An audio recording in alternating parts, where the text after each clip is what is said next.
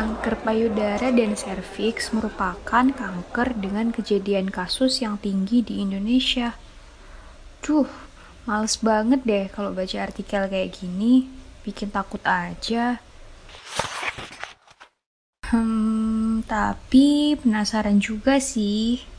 Kalau gitu, yuk dengerin podcast Let's Ask the Expert About Breast and Cervical Cancer by Breastlet Cimsa Uner.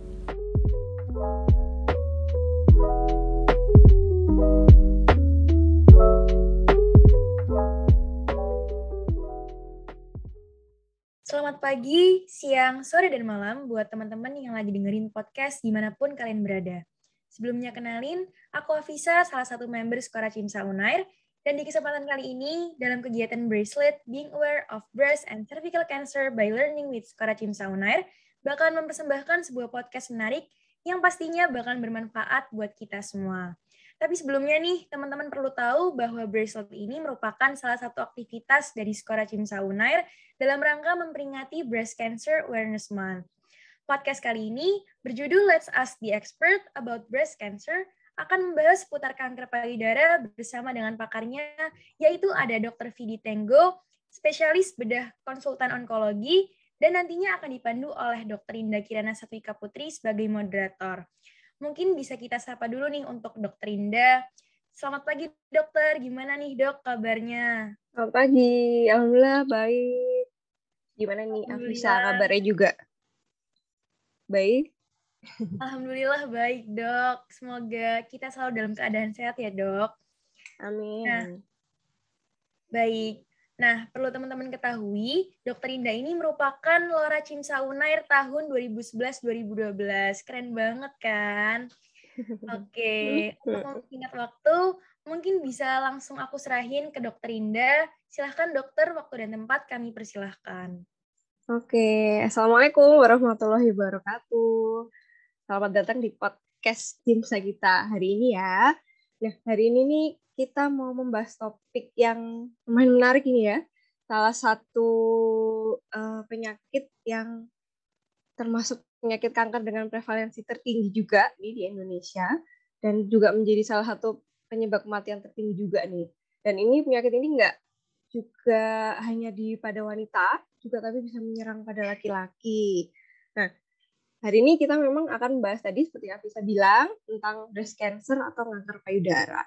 Nah, di sini saya nggak sendiri dong, ada satu narasumber yang keren banget ya, yang cantik sekali, narasumber kita, yang sudah pasti sangat ahli di bidang onkologi, dan pasti banyak menangani tentang kanker payudara. Nah, beliau ini merupakan dokter subspesialis konsultan bedah onkologi.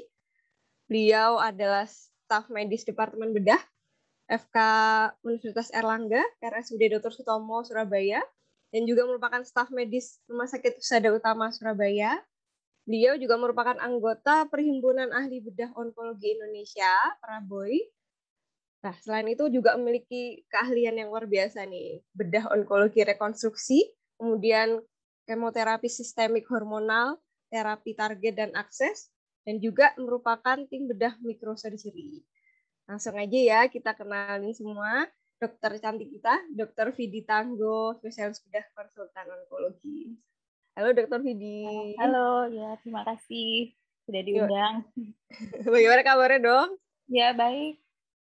Sibuk apa nih dok di era pandemi kayak gini dok? Sibuk banget ya dok ya? Sibuk, iya. Mulai ini kan, mulai kita udah mulai operasi lagi. Yang dulu memang sempat terhenti karena second wave uh, COVID ya. Mm -mm sekarang udah mulai mulai lagi ya dok ya, ya operasi operasinya eh ini dok kanker payudara ini kan termasuk salah satu penyakit yang ditakutin ya dok ya? Apalagi wanita nih di ininya. Pasien-pasien tuh banyak yang datang bilang takut nih kena kanker payudara takut ini kok ada benjolan gini-gini dok. Tapi kadang-kadang uh, pasien tuh juga nggak aware sebenarnya. Jadi kadang-kadang udah datang tapi sudah uh, stadium lanjut gitu Nah, sebelum ini bisa dijelasin dulu nggak dok kanker payudara itu sebenarnya penyakit yang seperti apa sih dok? Kadang-kadang kan belum uh, masyarakat kadang dia belum mengerti ya gitu. Monggo. Ya, jadi kanker payudara sendiri itu uh, memang insidennya paling tinggi ya. Kalau di Indonesia aja dia juga nomor satu. Kalau di di dunia sorry di dunia nomor satu kalau di Indonesia dia tuh juga nomor satu cuma bedanya kalau di luar negeri ya itu uh, angka kematiannya tidak setinggi di Indonesia Kenapa bisa begitu? Hmm. Itu karena uh, mayoritas pasien-pasien yang datang ke klinik di Indonesia itu 70% sudah berada pada stadium lanjut. Jadi datangnya hmm. bukan stadium awal lagi. Itulah kenapa angka mortalitas di negara kita masih tinggi. Itu jadi PR. Jadi screening merupakan kunci supaya kita bisa mendapatkan eh, pasien-pasien uh, itu di stadium awal. Karena seperti oh, diketahui ya, jadi kalau masih stadium awal tuh pasti uh, prognosisnya lebih baik, survival juga lebih tinggi, gitu. Jadi itu tugas kita semua dan dokter-dokter dan calon-calon dokter ini ya. Hmm, betul betul. Angka kejadiannya berarti yang paling tinggi termasuk ya di antara sakit kanker yang lain ya? Iya, jadi kalau di Indonesia tuh uh, dari 100 ribu penduduk ya itu ada 42 yang terkena oh, kanker payudara. Data terbaru ya 2020. Angka kematiannya kira-kira di angka berapa dok kalau coba tahu? Iya, angka kematian kalau di Indonesia ini. Iya, masih cukup tinggi ya. Sekitar eh, uh, 20% tuh masih cukup tinggi. Hmm. Nah, kembali lagi karena memang sudah uh, betul lambat gitu. Hmm. Karena pasien kebanyakan antara takut atau kurang mengerti ya dok ya mungkin ya. Ya jadi jadi ada beberapa ketakutan yang apa ya eh, di masyarakat kita kayak takut ketahuan sakit pertama hmm. ya kemudian khawatir uh, apakah nanti dioperasi gitu kan apa kalau dioperasi nanti nanti kayak bangunin macan tidur kayak gitu Iya betul. Iya kan? Atau juga ada yang takut kehilangan payudara, belum nanti pengobatannya takut dengar berita tentang kemoterapi yang beredar di luar ya. Kemudian uh, perempuan sendiri juga wanita ya, ibu-ibu khususnya juga dia takut mungkin nanti kalau ketahuan jadi beban buat keluarga. Jadi ya itulah uh, ketakutan-ketakutan uh, di masyarakat kita. Gitu. Banyak faktor ya dok ya. Ya. Nah, ini kanker payudara ini eh, biasanya menyerang di kalangan usia berapa dok? Apakah hanya dewasa muda atau sudah usia tua atau bahkan yang masih muda tuh bisa terjadi dok? Iya, jadi ya betul. Jadi kalau kita sudah bicara tentang uh, kapan sih uh, kanker payudara itu bisa mengenai wanita gitu, itu kita sudah bicara tentang hmm. faktor resiko ya. Jadi yang pertama uh, usia. Usia itu tentu saja uh, mulai uh, akil balik ya, mulai akil balik itu hmm. uh, dikatakan sudah mulai ada siklus siklus haid, sudah mulai ada menstruasi. Jadi paparan hormon estrogen itu sudah mulai ada. Kemudian hmm. uh, jenis kelamin tentu saja wanita ya, yang yang mengalami menstruasi itu kan wanita ya, tapi tidak berarti yeah, laki-laki juga tidak mungkin terkena kanker, masih ada insidennya. Sekitar satu persen aja uh, kanker payudara bisa mengenai laki-laki. Yang ketiga itu adalah uh, faktor keturunan, genetik. Jadi okay, untuk okay. genetik ini juga sekitar 10%. Nah, tiga faktor ini memang uh, tiga hal ini faktor-faktor uh, yang uh, kita tidak bisa modifikasi ya, gitu. Betul. Uh, tapi banyak faktor lain yang bisa kita modifikasi. Gitu. Contohnya apa tuh dok? Yang apakah kayak hidup gitu misalnya? Iya. makanan gitu? hidup, kemudian uh, berat badan. Ya. Okay. berpengaruh ya dok ya berat badan. Pas, ya. Anak-anak yang mungkin uh, kurang bergerak itu pasti hmm. biasanya mungkin pernah dengar ya kalau apakah haid haid yang terlalu dini kemudian hmm menopause-nya uh, lama itu juga uh, semakin memperpanjang paparan estrogen yang terjadi. Jadi eh, anak-anak biasakan aktif bergerak. Jadi sudah ada penelitiannya kalau anak-anak yang aktif bergerak, jadi daripada dia main gadget aja di rumah berjam-jam atau misalnya nonton TV itu dikatakan uh, nantinya dia bisa lebih cepat uh, haid atau haidnya lebih dini gitu dibandingkan anak-anak yang aktif bergerak. Makanya di luar negeri itu uh, suatu apa ya klaster perumahan itu sudah menyediakan playground ya. Sebenarnya tujuannya itu untuk supaya anak-anak itu tidak di rumah, jadi dia lebih aktif kayak begitu. Oke. Tapi kalau di zaman pandemi ini agak susah ya dok. Iya. ya kan bisa di rumah. Iya di rumah ya. ya. Nah, di rumah kita Cuma, ya itu bapak betul. iya ibunya juga jadinya ribet jadinya. Gak apa-apa, memang harus gitu tapi dok. Iya, memang harus begitu. Capean terus gitu. Oke, terus selanjutnya nih dok, uh, yang mau saya tanyakan. Tanda-tandanya gejala kalau kita terkena kanker payudara itu seperti apa dok? Mungkin uh, ya, apa ya, keluhan-keluhannya biasanya atau tanda awalnya supaya masyarakat kita lebih ngerti gitu. Iya, sebetulnya kadang kadang-kadang ada benjolan, teraba, kemudian apalagi uh, sudah ada luka, itu sebetulnya gejala, tapi itu gejala yang terlambat ya. Jadi makanya hmm. sebaiknya itu screening atau sadari itu sebetulnya yang paling mudah dilakukan.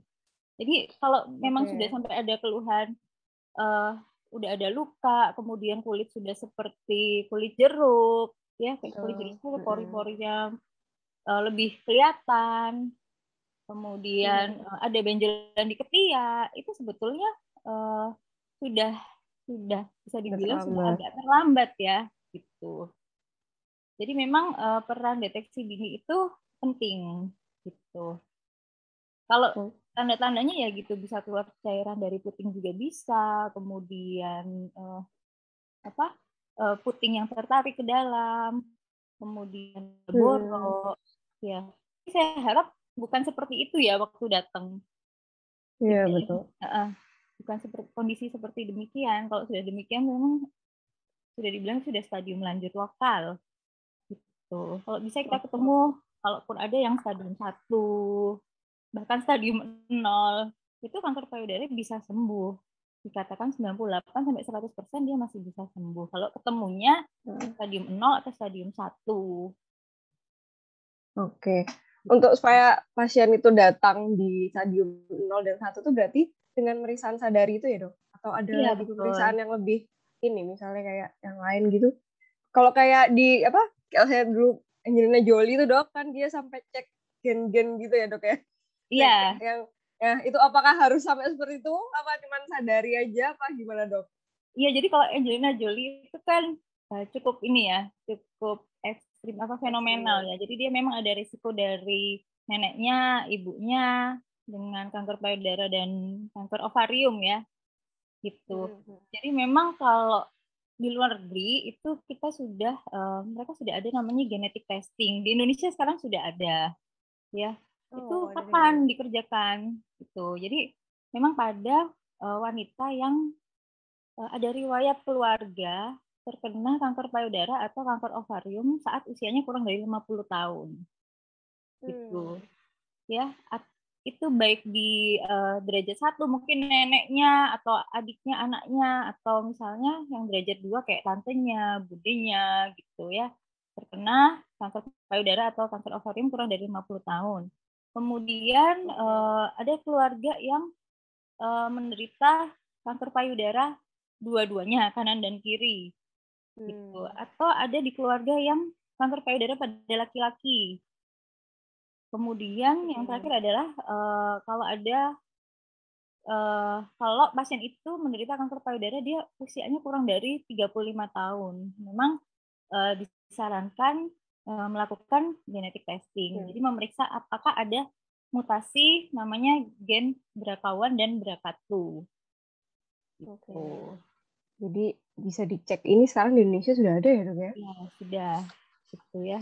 Cuma memang konsekuensinya itu memang uh, kalau di luar negeri ya mereka sudah siap kalau memang ada mutasi bahkan mm -hmm. Angelina Jolie ya dia sudah bahkan melakukan mm -hmm. profilaksis mastektomi mastektomi ya tapi di Indonesia loh kok belum ada belum ada tumor sudah dibuang dok gitu. Nah yeah, ya kadang-kadang belum semua orang siap menerima ya gitu.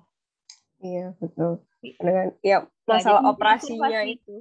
Iya observasi juga lebih ketat Jadi kalau di Indonesia lebih ke kalau misalnya memang terdeteksi lebih ke observasinya ya dok ya bukan yang langsung. Iya kayak ada uh, kita mengetahui kita punya riwayat di keturunan mungkin kita lebih detail. Jadi uh, yang pertama itu kenali payudara ya biasakan memeriksa payudara sendiri. Jadi uh, caranya yaitu jadi misalnya 7 sampai 15 hari setelah setelah haid hari pertama. Misalnya nih, misalnya haidnya tanggal 1. Jadi okay. kan memeriksanya. Jadi tanggal 7 sampai tanggal 15 itu. Jadi saat itu adalah payudara lunak ya. Hormon estrogen mulai turun. Jadi harapannya bila ada kelainan atau masa itu lebih mudah teraba. Gitu. Okay. Lakukan rutin tiap bulan gitu. Setiap bulan ya, Dok ya? Iya, Dari ke-7 sampai 15 ya. Ya, hari 7 sampai 15. Jadi uh, supaya gini, kalau kita biasa memeriksa payudara, kita jadi kenal payudara kita. Oh, payudara saya yang seperti ini tuh yang nggak apa-apa nih, yang normal gitu loh. Begitu uh, ada kelainan payudara yang lain, kapan gitu periksa lagi, terus loh kok kok, kok nggak kayak biasanya ya gitu. Jadi kita sudah tahu. Oh. Itu boleh kita uh, lakukan sadanis, jadi ke dokter, diperiksa kalau perlu USG atau mamografi. Oke. Jadi kalau eh, menemukan ada kok ada kayak benjolan atau sesuatu yang berbeda baru langsung kita ke dokter untuk disadari situ ya dok ya. Iya betul betul. Karena uh, benjolan payudara sendiri itu 10% ganas ya. Jadi tidak okay. tidak terlalu tinggi ya tuh ganasan uh, benjolan pada payudara itu. Gitu. Kan belum tentu ya. ganas, lebih baik dipastikan dulu. Benar, betul betul betul sekali itu dok kalau misalnya pasiennya sudah nggak menstruasi dong, sudah menopause itu apa ada waktunya ini kan tadi kan setelah hari ketujuh setelah menstruasi ya dok ya. Kalau mm -hmm. sudah menopause apa pokoknya sama tanggalnya tuh gimana? Iya, kalau sudah menopause ya sama tanggalnya. Misalnya biasa awal bulan ya awal bulan diperiksa gitu. Oh, gitu. Jadi uh -uh. pokoknya setiap bulan ya? Iya, setiap bulan rutin diperiksa. Pemeriksaannya bagaimana dok? Cu, um, merabanya itu jelasin sedikit ya walaupun agak susah ya dengan cara ya, susah ya. ya. ya. Karena sudah banyak ya video-video yang apa di YouTube kayak di sosmed cara pemeriksaan payudara uh, untuk memudahkan ya biar punya gambaran. Jadi uh, okay. berkaca, di kaca dilihat tangannya di samping, dilihat payudaranya kulitnya bagaimana, kemudian areola atau area kehitaman sekitar puting bagaimana, ada tidak uh, apa kayak luka? Kemudian hmm. adakah keluar cairan dari puting meskipun tanpa manipulasi? Kemudian tangan diangkat dilihat ya. Mungkin area-area payudara yang di samping dan di bawah itu diperhatikan saat tangan diangkat. Ada tidak kayak gambaran kayak apa ya kayak lesung gitu ya kayak dimpling itu biasa terlihat saat kita bergerak mengangkat tangan gitu. Kemudian baring, setelah berdiri baring di tempat tidur gitu ya. Kemudian kalau bisa diganjel bantal belakang ya, di belakang bantal tipis supaya lebih terekspos payudaranya. Kemudian diraba. Mungkin sudah bisa dilihat ya di apa? Di buku-buku tuh banyak ya, mulai dari sirkuler, konsentris, hmm. kemudian yang sial, tergantung uh, apa boleh dipilih mau yang mana gitu. Jadi diraba dengan ujung-ujung jari. Gitu. Oke. Ada tidak benjolan. Ya, ada ada gambaran lah ya kira-kira. Gitu. Atau waktu mandi mungkin lebih enak ya. Mandi juga kan kena air, sabun gitu. Jadi lebih licin, jadi lebih lebih sensitif untuk meraba lagi. Untuk meraba betul. betul. Ya, bisa bisa juga waktu mandi. Oke, baik. Uh, dok tadi kan uh, apa namanya? ada dokter tadi bilang kalau sudah misalnya keteraba benjolan ada nanti akan ada pemeriksaan lanjutan nih kayak USG payudara atau mamografi. Perbedaannya apa tuh dok? Iya, jadi payudara dan mamografi. Ya, kalau USG payudara dan mamografi beda ya. Kalau mamografi itu yang pertama dikerjakan pada wanita yang usianya satu tahun ke atas, gitu ya. Kalau uh, eh, USG kita kerjakan, kita mintakan biasanya pasien-pasien yang usianya kurang dari 35 tahun. Kadang-kadang umur 35 sampai 45 itu masih uh, ada densitas payudara. Jadi kadang-kadang kita juga minta combine gitu. Oh, ya. Kalau USG tentu saja uh, pakai jeli gitu ya, pakai probe dilihat adakah kelainan, tiap kuadran payudara diperiksa. Kalau untuk mamografi sendiri itu jadi payudara seperti dipencet ya. Jadi tujuannya uh, untuk screening. Meskipun belum ada keluhan, jadi uh, pada mamografi itu digunakan untuk screening paling tidak satu tahun sekali.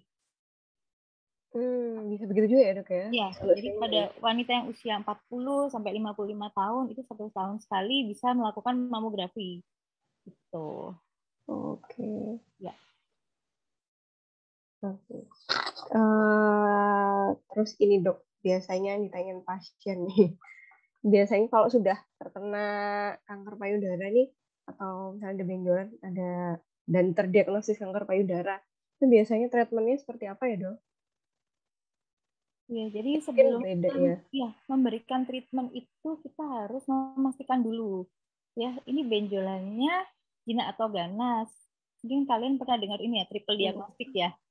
Itu belajar ya, dulu ya dari klinis, kemudian uh, radiologis dan yang ketiga adalah uh, patologi. Oke. Okay. Ya, jadi untuk memeriksakan patologi itu sekarang uh, bisa dilakukan dengan FNAB atau core biopsi nanti dari hasil histopatologinya itulah mm -hmm. yang uh, menginformasikan kepada kita ini tumornya uh, betul jinak atau ganas secara mikroskopik. Oke. Okay. Nah, ya kalau sudah ada hasil histopatologinya, baru kita uh, melihat sifat tumor. Ya, sifat tumornya ini kan ada beberapa tipe juga ya untuk kanker payudara, termasuk yang mana. Kemudian Eh, kita tegakkan juga stadiumnya dulu. Stadium berapa itu nanti berkaitan dengan terapi yang akan kita berikan. Memang kalau pada stadium awal itu operasi bisa jadi pilihan ya, bisa hmm. jadi pilihan. Tapi apakah operasi dulu atau bisa juga uh, di kemo dulu, kemudian misalnya pasien yang masih menghendaki payudaranya masih tetap ada gitu. Hmm. Jadi kita bisa kecilkan dulu ukuran tumornya, nanti kita lakukan uh, operasi untuk rekonstruksi. Itu. Jadi yang pertama hmm. adalah secara onkologi bersih dulu dari sel ganas, baru kedua hmm. kita pikirkan untuk rekonstruksinya. Gitu. Jadi hmm. tidak semua langsung dioperasi. Tuh. Nah ini ini ini jadi poin penting nih nggak semua dioperasi ya. Iya betul. itu tidak semua langsung dioperasi ya maksudnya. Langsung dioperasi ya maksudnya. Operasi, ya. gitu. Kadang apalagi kalau misalnya kita kasih tahu ini harus kita rujuk ke dokter bedah itu udah kayak kayak maju mundur gitu, kayak nggak mau lagi gitu. Iya iya benar benar. benar. Padahal sebenarnya dokter bedah itu pun pasti masih ada uh, pertimbangan-pertimbangan lain dulu ya dok ya sebelum nantinya akan operasi gitu kan. Iya betul. Pasti yang pertama kita lihat stadium ya, stadium pasien ini pertama kali datang ke kita di stadium berapa. Kalau memang sudah stadium 2, 3, kemudian dia masih mengendaki payudaranya dipertahankan, itu bisa kita lakukan kemoterapi dulu nih, ajukan namanya. Kemudian baru operasinya namanya uh, eh, BCS ya, breast conserving surgery. Jadi itu kita bisa melakukan rekonstruksi. Tapi beda dengan pasien-pasien yang datang sudah stadium lanjut lokal, sudah stadium 3B. Itu ya pasti pilihannya bukan operasi dulu gitu, tapi ya kemoterapi. Bila perlu juga radiasi.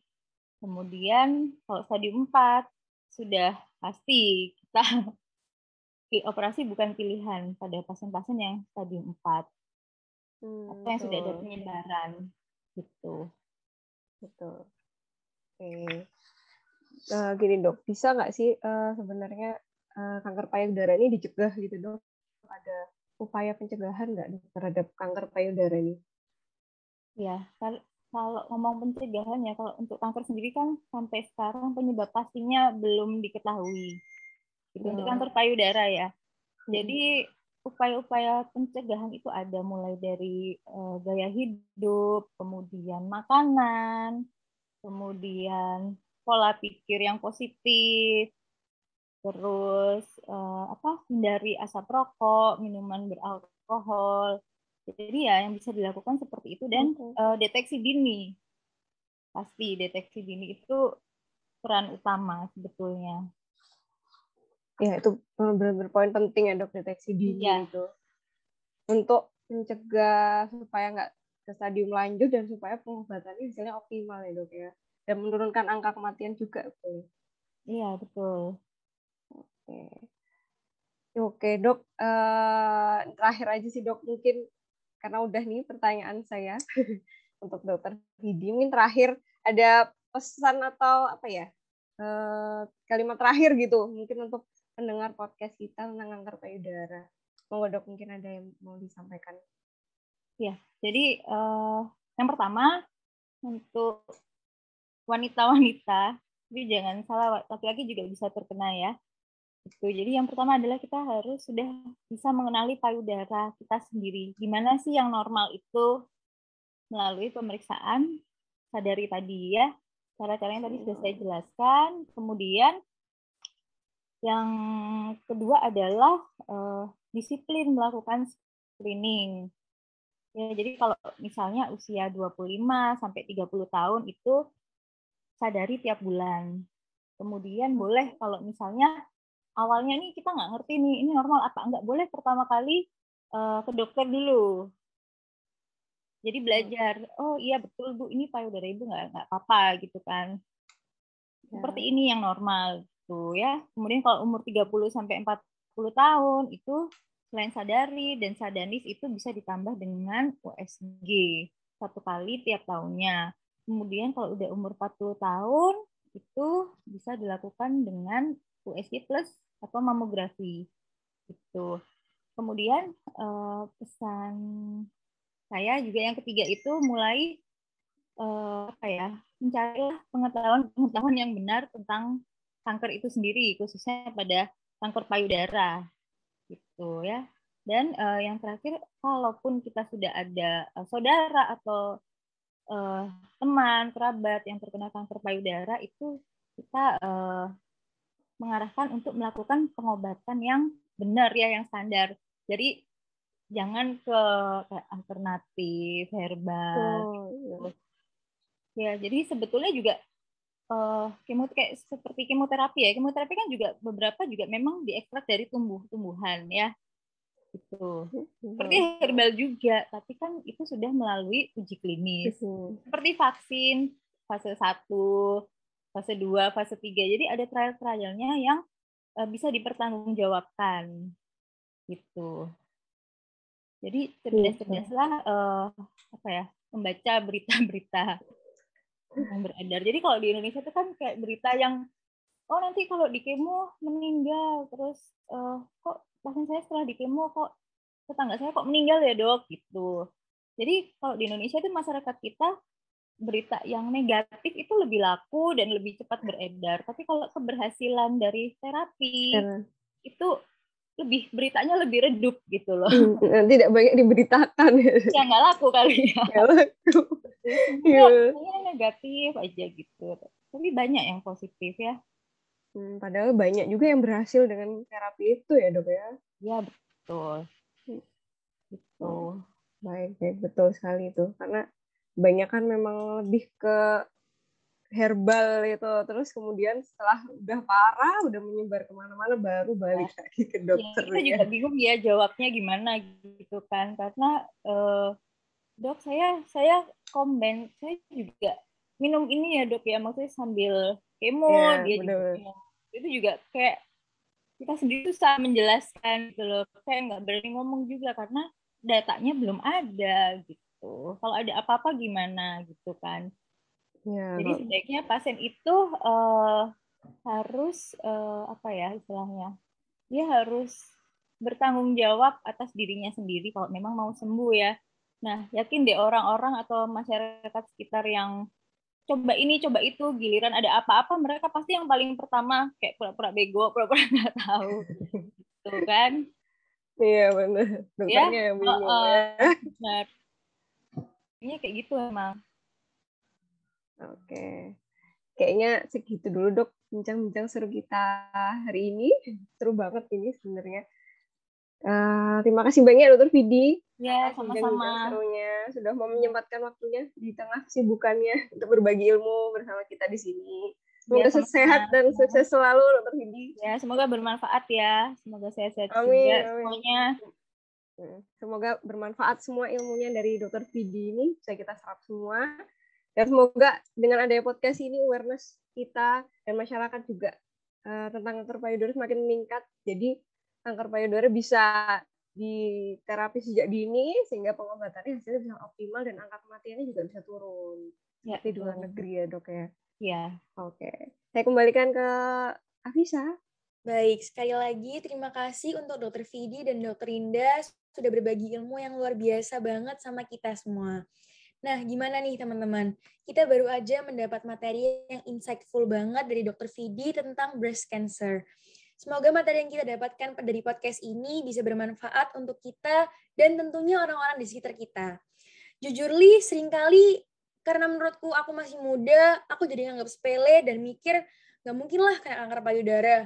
Tapi setelah kita dengerin podcast ini, aku harap kita semua bisa lebih paham dan mulai lebih aware terhadap kanker payudara ke depannya. Oke, segini aja dari kita. Aku mau ucapin terima kasih banyak buat teman-teman semua yang sudah antusias buat dengerin podcast ini. Semoga kita selalu dalam keadaan sehat. Saya Afisa, pamit undur diri. Jangan lupa untuk terus dengerin podcast Cimsa Unair.